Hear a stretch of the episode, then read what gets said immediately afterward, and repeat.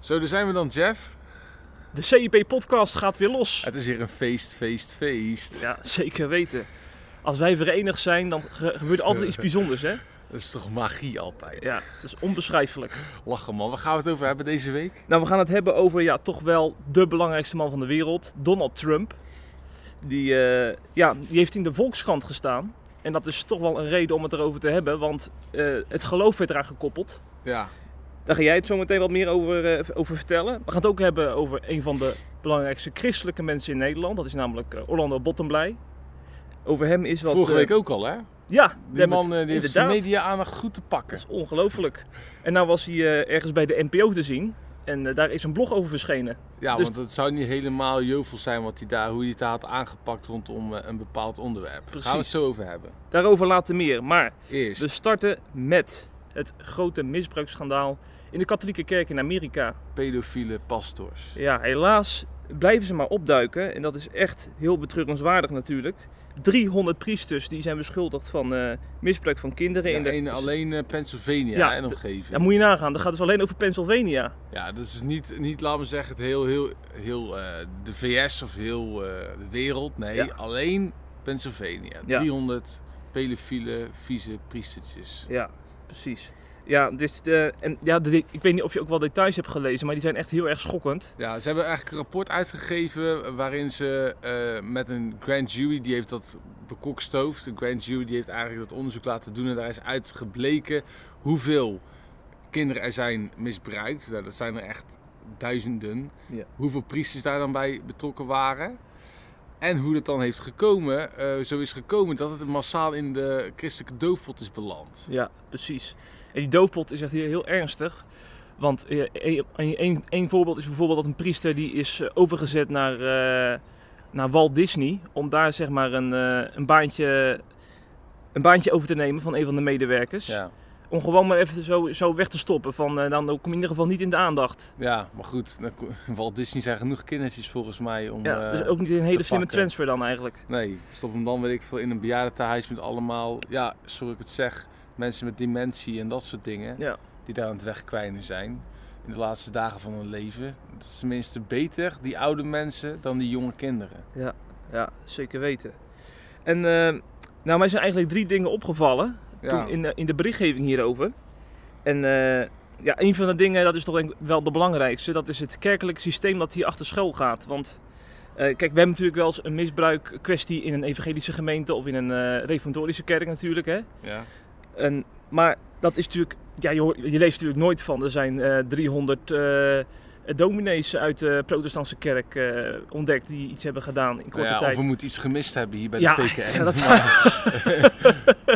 Ja, dat zou ook nog kunnen. Maar volgens mij toont dit, dit soort aantallen, het is natuurlijk niet de eerste keer, dit soort aantallen tonen volgens mij aan dat er echt in het systeem van de Rooms-Katholieke Kerk iets mis zit. ja, en wat is dat dan, wat er mist in het Rooms-Katholieke systeem? Nou, dan kom je natuurlijk al gauw eh, uit bij het celibaat, want eh, ja, deze kerkstroming dat, eh, heeft dus als regel dat priesters ongetrouwd hun ambt bedienen. En dat ook nog eens, ja, echt, echt seksuele onthouding hè. Ga jij maar eens eventjes een leven lang geen seks hebben met iemand en Ja. ondertussen gewoon netjes je pastoraat doen en eh, je ambt uitoefenen. Ja, volgens mij hebben we nou al genoeg voorbeelden gezien waaruit blijkt dat dat gewoon heel erg ongezond is. En Ja. dat dat ook heel veel eh schaduweffecten heeft. Ja, want priesters zijn dan op die manier toch in zekere zin een slaaf van hun seksuele verlangens geworden, toch? ja, ja, Ik zeker bedoel, want ja, dat is niet te doen. Een mens is gemaakt om seksueel actief te zijn. Net zoals dieren dat zijn. Ik bedoel, heb je ooit eens een konijn gezien die niet achter op een ander konijntje springt?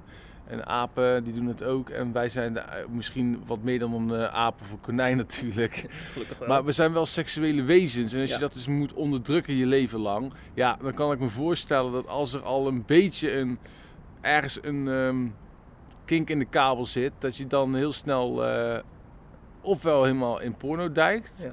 Of naar kindertjes eh, gaat stiekem. Ja, ja, precies. Ik zeg hier, we zeggen hier natuurlijk niet dat wanneer je eh, geen relatie hebt en aan seksuele onthouding wil doen, dat je dan per definitie eh, al eh, misbruikverdachte Ja, maar bent. het is Maar, toch overduidelijk dat dit meespeelt, toch? Dat zeker celibaat dit kindermisbruik in de hand heeft gewerkt. ja. Spa- Paulus spreekt ook van een gave van onthouding, dus dat zegt al iets. Van als het een gave is, dan, Dan kan is het. het. Het is iets, iets unieks, maar Ja. het kan zeker. Ja, maar als je die gave niet hebt, ja, doe het dan alsjeblieft niet. Kijk, ik heb liever dat pastors op zijn hooglied seks hebben met een vrouw, dan dat het vieze mannetjes worden die aan onze kinderen zitten. Ja. Right? Ja, dat lijkt me Ja, en dat celibaat is toch eigenlijk, eigenlijk feitelijk, denk ik, net zo achterhaald als dat de kerk ooit voor slavenhandel was. Hm. Toch? Ik bedoel, we waren ooit voor slavenhandel, dat vanuit de Bijbel allemaal mooi beredeneerd. Maar uiteindelijk weten we nu, ja, sorry, slavenhandel en slaven houden, Ja. dat kan niet, dat past niet bij het geloof. Dat is niet echt de essentie, de bedoeling. En ik denk dat zo ook celibaat op bijbelse grond natuurlijk wel goed te praten is. Hè? Want je hebt die eunuchs gehad in de Bijbel. En Ja. je hebt eh, ook Paulus gehad die zich nooit heeft eh, verbonden aan een vrouw. Zeker. Ehm, maar om daarna uit te concluderen dat je als je geestelijk wil zijn als priester of als pastor of dominee, dat je dan maar aan het celibaat moet houden. Omdat je alleen dan jezelf echt helemaal kunt geven aan God en God alleen. Ja, dat is volgens mij gewoon net zo achterhaald als dat we ooit voor de slavenhandel waren. Ja, ja. Dus als we nou eh 100 jaar verder zijn, dan met, met eh, een beetje mazzel, dan hebben we dan dit soort toestanden hebben we dan de, de deur uitgedaan. Ja, op zijn minst veel minder. Ik bedoel, als je je seksualiteit kwijt kan bij een hele mooie, fijne vrouw, hè, dan ga je denk ik snel, mi- minder snel naar een, een kindje toe. Want ik geloof namelijk niet dat al die priesters ook pedofiel zijn. Kijk, pedofiel Nee. is een geaardheid. Ja. Daarvan zegt de wetenschap ook. Ik heb nog laatst een heel mooi stuk gelezen in 360 magazine over een jongetje die dat al heeft op eh, middelbare leeftijd. Eh, en dan, gaat, dan worden ook wetenschappers aan het woord gelaten. En daar wordt gesteld dat dat een geaardheid is. Dat zit Ja. gewoon, ja, dat, daar kun je ook nooit van afkomen eigenlijk. Nee, nee, nee. Maar ik geloof niet dat die priesters allemaal pedofiel zijn. Dat ze die geaardheid hebben. Ik denk gewoon, die kunnen hun seksualiteit niet kwijt. Zeker. En ja, wat is dan makkelijk om dat stiekem toch kwijt te kunnen dan bij een kindje? Ja, die zijn geheimen aan je opbiecht. Ja, tuurlijk. Ja. En ik vind het celibaat in stand houden gewoon gelijk staan aan theologisch narcisme. Want dan heb je het gewoon niet op een rijtje. Nee. Maar goed, zo zou je natuurlijk ook het celibaat bij monniken in India aan elkaar kunnen stellen. Dat is hetzelfde probleem. Die doen dat ook. Eh, en zo zou je ook kunnen bekritiseren dat heel veel mannen in eh, islamitische landen meerdere vrouwen hebben. Kijk, er zijn gewoon heel veel religies, waaronder dus ook het christendom, die ja, niet heel gezond omgaat met seksualiteit. En dan krijg je gewoon enorme uitwassen. Ja, ja dat blijkt. Ja. Precies. En het Zeg- tweede ding wat je is opgevallen. Ja, het ehm, eerste is dus, de kerk is eigenlijk grondig toe aan een, eh, een soort renovatie. En dan met name rondom het onderwerp van celibaat. En de tweede. Zeker. Dat is dat het, het alle christenen aangaat, deze misbruikzaak. Want ik vind het nog heel makkelijk als christenen zeggen van ja, dit is echt het probleem van de katholieke kerk. Maar eh, wij zijn allemaal gewend om te zeggen wanneer iemand ziek is in de, in de gemeente bijvoorbeeld. Van, eh, als er één lid lijdt hè, van het lichaam van Christus, dan lijden we allemaal. Ja. En dan denk ik van waarom staan we dan niet, nu niet massaal op om datzelfde te zeggen? Hè? Ik bedoel, eh, je, je kunt afgelopen zondag had je bijvoorbeeld als evangelische voorganger had je een, een specia- in je gebed speciaal aandacht aan deze zaak kunnen besteden en wat Ja. woorden kunnen wijden om, om echt te laten zien dat je ook echt eh, met eh, deze broeders en zusters meeleeft. Ja, maar ik denk niet dat het gedaan is door reformatorische en evangelische christenen. in ieder geval heel mondjes, weinig. mondjesmaat Want die denken toch, ja weet je, wij zijn wel christen. Maar eh, die Rooms-Katholieke kerk, ja, dat is eigenlijk toch onze kerk niet. Nee, ze worden niet echt erkend. Hè, Nee, als we, als we- Dus zo voelt, voelt dat niet bij Nee, veel mensen. nee, denk ik ook dat in ten diepste is het gewoon precies dezelfde kerk. Ja, als die wij hebben. zeker. We zijn onderdeel van dezelfde goddelijke familie. Uiteraard. Alleen Ja. ja, wij, wij zullen die paus niet zo snel de ring kussen. dat, dat is het enige verschil. Nee, dat is zo. En we geloven niet dat eh, de hostie echt eh, letterlijk in het lichaam van Jezus verandert. Ja, ja. Of het brood bij het avondmaal. Klopt. Maar Daarom, goed. daarom moeten we ook mensen als Alexander Veerman eh, koesteren. Want hij is dus een PKN-predikant. Ja. En heeft een blog geschreven. Die echt heel erg, zeg maar, eh, pastoraal was.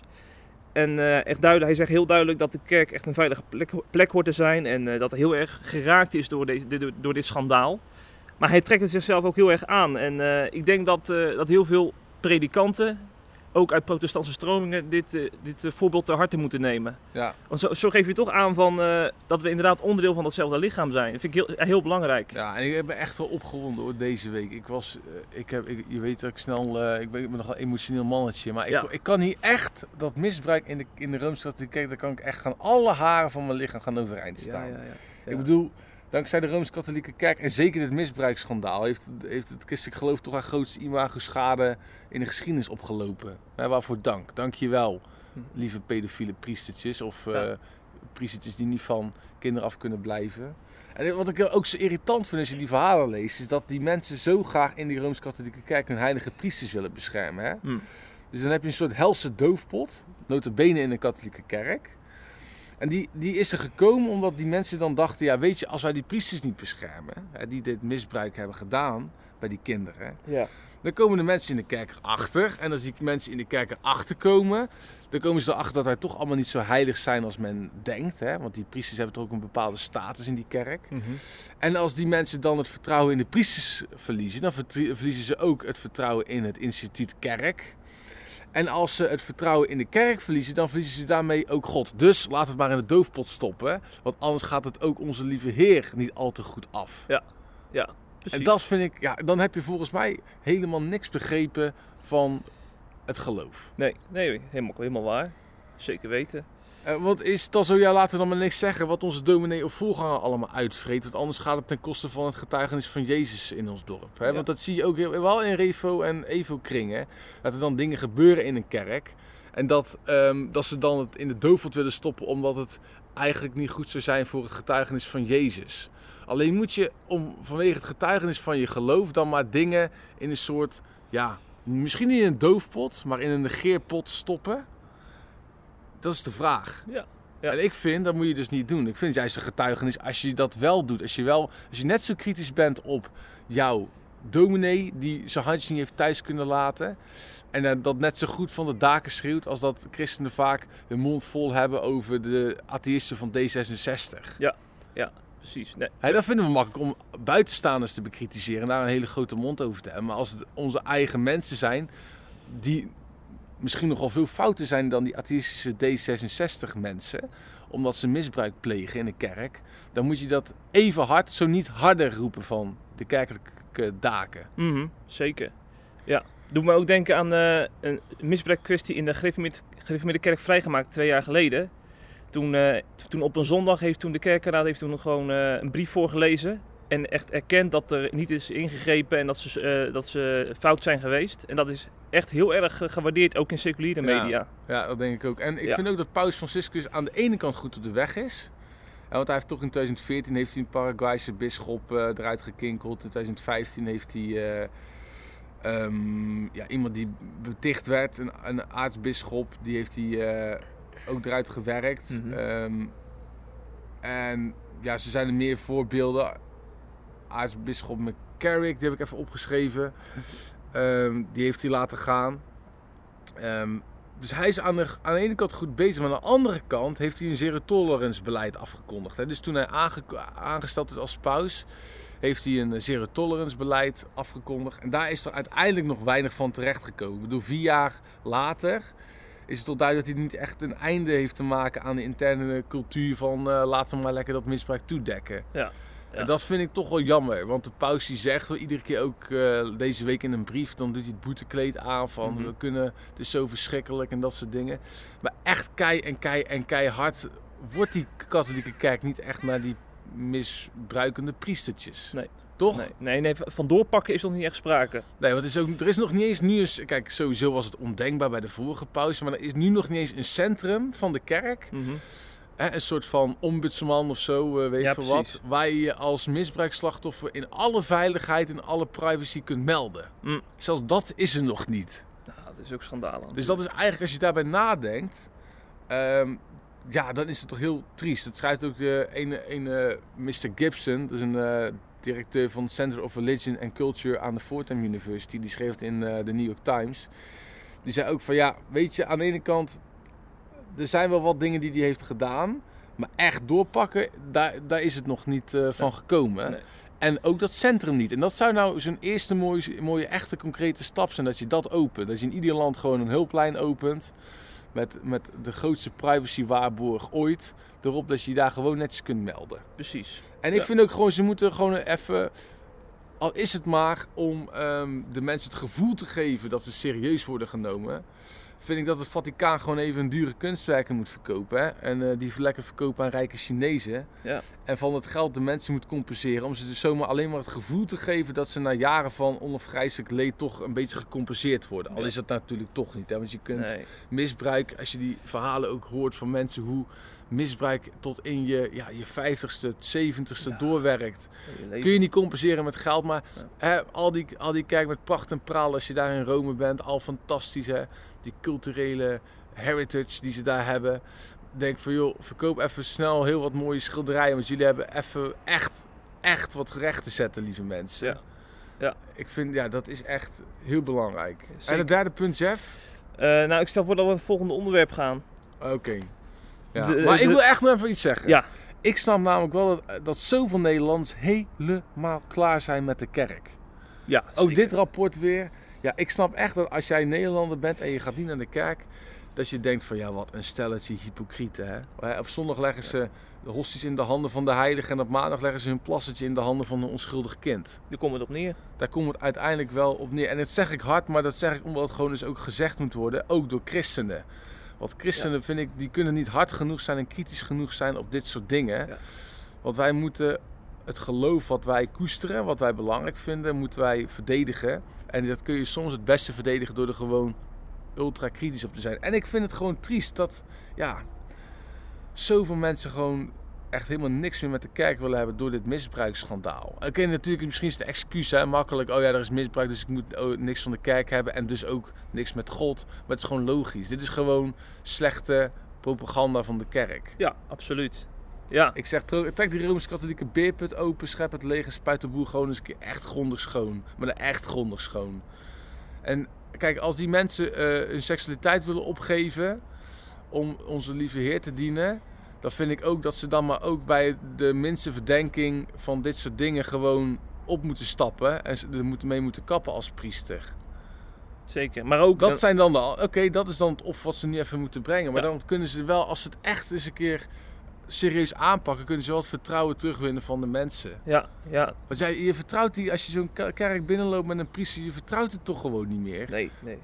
Nee, maar dat is ook heel terecht als je dat, eh, dat wantrouwen natuurlijk. Zeker. Ja, ik zou ook geen iPhone meer kopen als ik weet dat die eh, bij, al, bij honderden mensen is ontploft. Ja. Ja, zo zou ik dus ook geen kerk binnenlopen als ik denk, ja, er zijn al zoveel kinderen misbruikt. Ga je Ja. toch met een ander gevoel naar de kerk. Zeker. Hè, met je drie kinderen. Ja. Maar Ja. Goed. Heel begrijpelijk. Tweede punt, Orlando Bottomblij, die was te, te gast bij Kijken in de Ziel. Die sprak daar over homoseksualiteit. En ik kreeg kritiek van John Lapré, die Ja. zo'n beetje een vaste gast aan het worden Nou, is hier in de die wordt podcast. gewoon vaak aan bod, die eh, kerel. Omdat hij vond dat Orlando Bottomblij er een beetje omheen draaide toen het ging over homoseksualiteit. Hij draaide om de homoseksuele brei heen. Ja, klopt. Leg het eens uit. Ja, ik heb het fragment gisteren nog even teruggekeken, om, om- omdat ik die blog ook tegenkwam. Eh, de hete hangijzers die van in het geloof die kwamen aan bod in Kijken in de Ziel. En een van die hete hangijzers is natuurlijk seks- homoseksualiteit.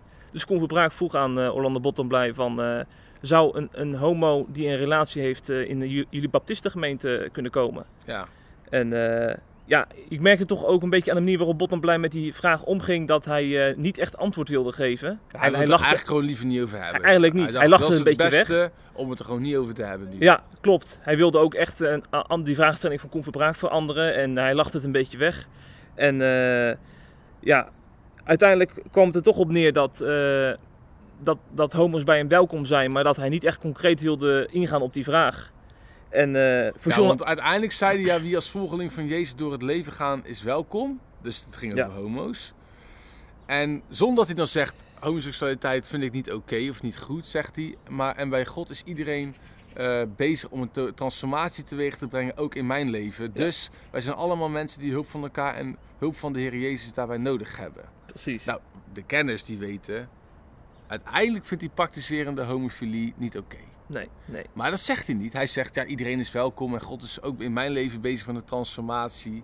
Eh, maar hij spreekt zich niet echt uit. Mhm. En John Lapré vond dat een beetje ja, teleurstellend, hypocriet. Ja, ja, want hij zegt dus, want hij verwees ook naar Floris van Binsbergen, dat is zeg maar de herstelde vorm de Ja, die predikant. is ook de gast in het programma Ja. en die liet een heel ander geluid horen. Zeker. Hij, zei, van- hij kreeg dus de vraag van wat als je zoon ooit uit de kast komt. En hij ging daar echt heel erg, eh, ik vond ik heel erg pastoraal mee om. Van hij zou altijd welkom zijn bij ons thuis en ik zou hem een knuffel geven en, en vragen hoe moeilijk het is om, eh, om dit eh, bekend te maken aan ons.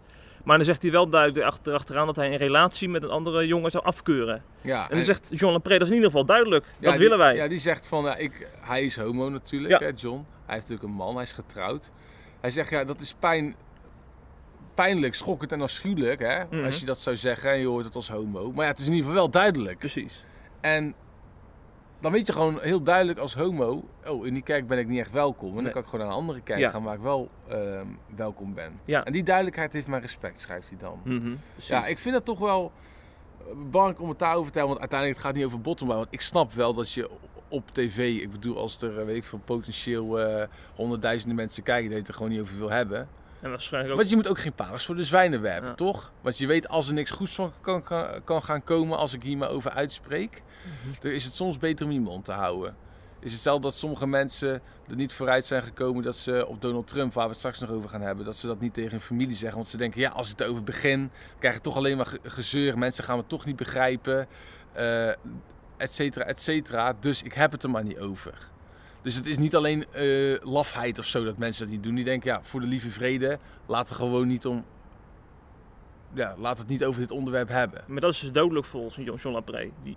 Ja, nou, ik, ik, ik, ik snap John Lapré heel goed. Want de diepere en achterliggende discussie is natuurlijk... Ja, hoe communiceer je nou over onderwerpen zoals deze naar buitenstaanders toe... Ja. Die eh, die wereld niet kennen. Kijk, wil je echt fatsoenlijk kunnen uitleggen aan iemand die niet christen is... waarom je als christen tegen homoseksualiteit bent... dan heb je natuurlijk een heel lang gesprek nodig. Mhm. Om dat echt goed uit te leggen en genuanceerd uit te Ja. leggen. En even in een tv-programma waarbij ze dingetjes knippen van één minuut of zo, Ja. anderhalf minuut, dan snap ik dat je daar niet van, ja, niet wil, toe- toe- dat je je niet toe wil laten verleiden om daar dan op in te gaan. Ja. Maar ja, het is wel apart, vind ik, dat christenen wel vaak dit doen. Hè? Dus dat we vaak A zeggen of denken, sorry, we denken A en we bedoelen B. Bijvoorbeeld, christenen denken, eigenlijk als ze naar een eh, vriend kijken, moet je in Jezus geloven, anders loop je serieus risico om naar de hel te gaan als je God blijft afwijzen. Maar dat zeggen ze niet. Nee. Ze zeggen tegen die vriend iets heel anders. Ze zeggen, ja, ik wil graag dat jij ontdekt wat ik heb ontdekt. Dat God leeft en een relatie met je wil. Mhm. En zo zeggen mensen, eh, als het gaat om homoseksualiteit is ook... Ja, wij zijn allemaal mensen die hulp van elkaar en van de Heer Jezus nodig hebben. Terwijl ze denken, het is niet oké om praktiserend homo te zijn. Ja, je moet nu nog breken met die vriend. Ja, dus het probleem is, ja, denk ik niet zozeer dat we niet durven te zeggen wat we echt denken. Ja. Of wat we echt geloven. Dat we eigenlijk stiekem gewoon aan de ene kant bang zijn om eh, gewoon in een dikke ruzie, een dikke fight te komen. En aan de andere kant willen we geen parels voor de zwijnen werpen, want we voelen ergens aan, ja, als ik het echt zo expliciet zeg, ja, dan heeft het toch ook niet zoveel zin. Ja. Maar ja, ik vind het wel, ja, weet je, ik vind homoseksualiteit een moeilijk onderwerp, eh, Jeff, want ik snap dat heel veel christenen er tegen zijn. Maar ik ken zelf heel veel homo's ehm, in mijn leven. En ja, ik vind gewoon dat die mensen eerlijkheid verdienen. Dat vooral. Ja, daar En acceptatie. En als jij in die kerk dat niet wil accepteren, oké, so be it. Maar ja, wees dan op zijn minst, wat je dan wel kunt doen, is wees dan zo eerlijk mogelijk naar die mensen toe. Ja. Ja, zoals Van Binsbergen. Ik zeg niet dat je en eerlijk moet zijn naar homo's en ze ook volledig altijd moet accepteren. Want ik snap dat je als christen vanuit theologische redenen soms Mhm. ze niet kan accepteren in de zin van ik keur het helemaal goed hoe jij leeft. Maar wat je dan wel kunt doen is op zijn minst eerlijk zijn. Zeker weten. Want daar hebben ze dus behoefte aan. Ja, en dan kun je eerlijk zeggen, ja, ik, ik, vanuit mijn geloof zie ik dat heel anders, homoseksualiteit. Maar ik ben er wel eerlijk over naar je, want ik vind dat je op zijn minst, als ik niet mijn totale acceptatie in geef, wel mijn eerlijkheid Hm. verdient. En als derde punt, wat je altijd iedereen kunt geven, ongeacht het of het je nou je vriend of je vijand is, of het nou een hetero of homo is, Ja. dan is dat altijd de liefde. Hm. En liefde kunnen mensen altijd voelen. Ja. Soms voelen mensen niet de eerlijkheid in je leven, of de acceptatie in je leven, van hoe jij kijkt naar hun leven. Maar wat mensen wel altijd kunnen voelen is liefde. En laat homo's dat nou eens voelen alsjeblieft. Ja, precies. Laatste onderwerp, Trump. Ja, wie, eh, ja, wie ook eh, behoefte heeft aan duidelijkheid, dat zijn toch wel eh, mensen die Trump niet begrijpen. Eh, want in de Volkskrant heeft een artikel gestaan over eh, christenen die op Donald Trump hebben gestemd. En wat, wat ze nou eigenlijk drijft. Hè? En jij eh, weet daar veel meer van. Ja, ik ben toch een beetje een Trump-fan. Ja, precies. Niet dat ik zijn politieke beleid goedkeur of dat ik eh, denk dat het een hele goede president is. Maar ik vind het wel gewoon één grote circus act waar ik gewoon met heel veel plezier naar kijk. Fascinerend. Dus als zijn, zijn Twitter timeline hou ik wel in de Ja. gaten en zijn Ja. speeches en zo. En dan zit ik altijd wel in mijn vuistje te lachen vaak. Ja. En niet alleen negatief hoor, want ik denk ook van hij, hij, hij speelt het wel heel erg slim. Maar in de Volkskrant was een artikel van Bert Lanting. En die had eens uitgelegd waarom eh, Trump nou zo populair is onder christenen. Want ja, het is toch niet echt bepaald een modelchristen hè Trump. Ik bedoel, het is niet echt een eh, soort van misdienaar. Ja, nee, dat is niet zo. Want ja, eh, Trump kreeg bij vrouwen meerdere kinderen. Hij heeft drie vrouwen gehad. Hij verdiende zijn fortuin met casino's. Nou, hij staat ook wel bekend om zijn seksistische en vrouwonvriendelijke opmerkingen. Zoals de grab them by the pussy uitspraak. Ja. Nou, als we het moeten geloven in de pers, heeft hij ook zijn vrouw Melania Trump, die nu de first lady van de Verenigde Staten is, bedrogen met een pornoster. En die pornoster heeft hij maar afgekocht voor de verkiezingen met eh, een schamele 100.000 dollar. Of ze even er eh, mondje wilde houden. En als je zijn Twitter-feed bekijkt, is het natuurlijk ook niet de meest eh, lang en zachtmoedige president die je hebt. Maar toch zijn heel veel christenen enthousiast over hem. Hm, fascinerend. En hoe komt dat nou? Ja, nou dat komt natuurlijk omdat sowieso de meeste christenen zijn republikein. En een republikein stemt altijd republikeins, niet democratisch. Nee. En ja, heel veel christenen die, die zien wel dat Trump, ja ook al is het niet een modelchristen. Ja, het is ook niet echt, hij leeft nog veel eh, losbandiger dan koning David deed. Hè? Die, die, die dan met Batseba, hebben we het ook vorige week over gehad, eh, een slippertje maken. Maar goed, bij Trump gaat het wel veel verder natuurlijk. Die dus ja, die denken, ja, maar toch, eigenlijk zoals koning David misschien niet het perfecte leven had. En zoals er zoveel mensen zijn in de Bijbel die geen perfecte levens hebben geleefd, wordt hij wel gebruikt door God. Mhm. Want Trump wil bijvoorbeeld Roe versus Wade terugdraaien. Dat is het abortusbesluit. Ja. Hij is super pro-Israël. Nou, dat, dat vinden christenen natuurlijk heerlijk om te horen. Hij wil betere regulering, of eh, hij wil eigenlijk de belastingvoordelen van kerken wil die houden. Hij vindt het onzin dat je in Amerika eh, als bedrijf soms niet meer Merry Christmas eh, zegt. Want dat is een christelijk feest. Nee, dan zeg je fijne feestdagen. Hmm. Dat vindt hij allemaal belachelijk. Hij ziet ook in dat de kerk heel veel goede dingen doet. Ja, kortom, hij is gewoon heel erg populair onder christenen. En die christenen nemen het voor lief dat het dan niet misschien iemand is die ze als hun dominee zouden willen hebben. Ja, Dat is toch wel apart, hè? ja, zeker. Ja. Maar, maar ik begrijp dus goed eh, dat wanneer ze meer opties hadden, dus niet alleen democraten, republikeinen, dan had het misschien anders kunnen lopen. Nou, ik denk de grootste reden dat, dat eh, christenen gewoon massaal op Trump hebben gestemd tijdens de presidentsverkiezingen destijds was gewoon omdat het een republikein is. Hm. Als jij maar twee partijen hebt, je hebt de VVD en de SP en je Ja. stemt heel je leven VVD, dan kan er wel een of andere rare pannenkoek leider worden van de VVD, maar dan ga je echt no way op Nee, SP Dat stemmen. is te begrijpen. Want ook al je vrienden stemmen VVD. Ja. Snap je? Dus dat is ook. Dat zit dat hele systeem, politieke systeem zit heel anders in elkaar. En dan weet je ook, ja, uiteindelijk, het is wel een rare snuiter, denk je dan, die nieuwe leider. Maar hij vertegenwoordigt wel de waarden van de partij, namelijk de echte conservatieve waarden. Mhm. En hij is ook net zoals, ehm, ja, ik noem wat Geert Wilders, anti-islam of heel kritisch op de islam. Ja. En hij moet niet zoveel van migranten hebben, want dat gaat ook ten koste van onze christelijke cultuur. Eigenlijk, feitelijk denk ik wel, ja, wat nou als Trump de leider van de SGP zou zijn geworden? Zou dan niemand meer op de Bijbelbelt hebben gestemd op de SGP? Ja, mensen gaan niet zomaar de SGP verlaten hoor. Je vertellen. En hetzelfde bij de ChristenUnie. Dus als Nee. je altijd op een christelijke partij hebt gestemd en er komt een snuiter, die heet Donald Trump of eh, eh, Rick Trump. En die, die, die Nederlander die is eigenlijk, ja, heeft ook rare dingen gedaan met pornosterren. En die heeft rare dingen gezegd over vrouwen in het verleden. En dat soort dingen. Ga je dan niet op hem stemmen? Ja, nee, mensen zijn gewoon merkloyaal, weet je wel. Ja. Maakt niet uit wie de CEO is. Hm. En wat ook meespeelt, is dat Trump gewoon een briljant politicus is. In de zin van? Hij heeft de meerderheid van de stemmen gehaald. Ja. Niet de meerderheid, niet de popular vote, maar hij heeft de verkiezingen gewonnen. Mhm. En iedereen, iedere linkse journalist van de planeet doet nu alsof die man alleen maar slechte dingen doet. Alleen maar slechte dingen twittert. En alsof het een halve gare gek is. Maar dan doe je toch ontzettend die mensen tekort. Dat halve Amerika, die gewoon bij de boxing vote, eh, bij het stemhokje, heeft gestemd op hem. Of Ja. niet dan? Ja, zeker weten. Alleen ja, die linkse journalisten hebben gewoon een bloedhekel aan Trump. En heel veel journalisten zijn gewoon democraat. En die zullen elke gelegenheid aanpakken om een republikein kapot te maken. En ze doen al, ook al heel veel van ja, we zijn heel erg objectief in onze berichtgeving over eh, Donald Trump. Maar als je bijvoorbeeld naar die documentaire reeks kijkt van de New York Times, is recent op ehm, Showtime geweest en ook op NPO. Dan worden daar journalisten gevolgd van de New York Times. Het zijn nat- natuurlijk allemaal capabele vakmannen. Die dan onderzoek doen naar de Russia Gate. Ja, Dat soort dingen. Maar dan zie je ook gewoon overduidelijk aan die mensen. Dat oké, ze proberen wel objectief te schrijven. Maar ze vinden allemaal in hun guts dat, dat Trump gewoon een, eh, ja, een klootzakje is. En dat zeg ik heel hard, maar dat, dat, dat zie je echt overduidelijk. Dat die mensen gewoon echt niks van Trump moeten hebben. nee, precies. Dus je moet ook niet denken dat al die journalisten, ook van de gerenommeerde kranten daar, dat die allemaal ehm, gewoon geen probleem hebben met Trump omdat het puur Trump is. Mhm. Kijk, een goed voorbeeld. Trump heeft deze week of vorige week heeft hij een militaire parade heeft hij afgeschaft. Dat, die, hij wou een grote militaire parade een beetje op zijn Noord-Koreaans gaan houden, weet je wel. Super groot, allemaal stoer, een beetje patriotisme daar faciliteren. Maar hij had een kostenplaatje opgevraagd, offertes gekregen en het werd gewoon te duur. Ja.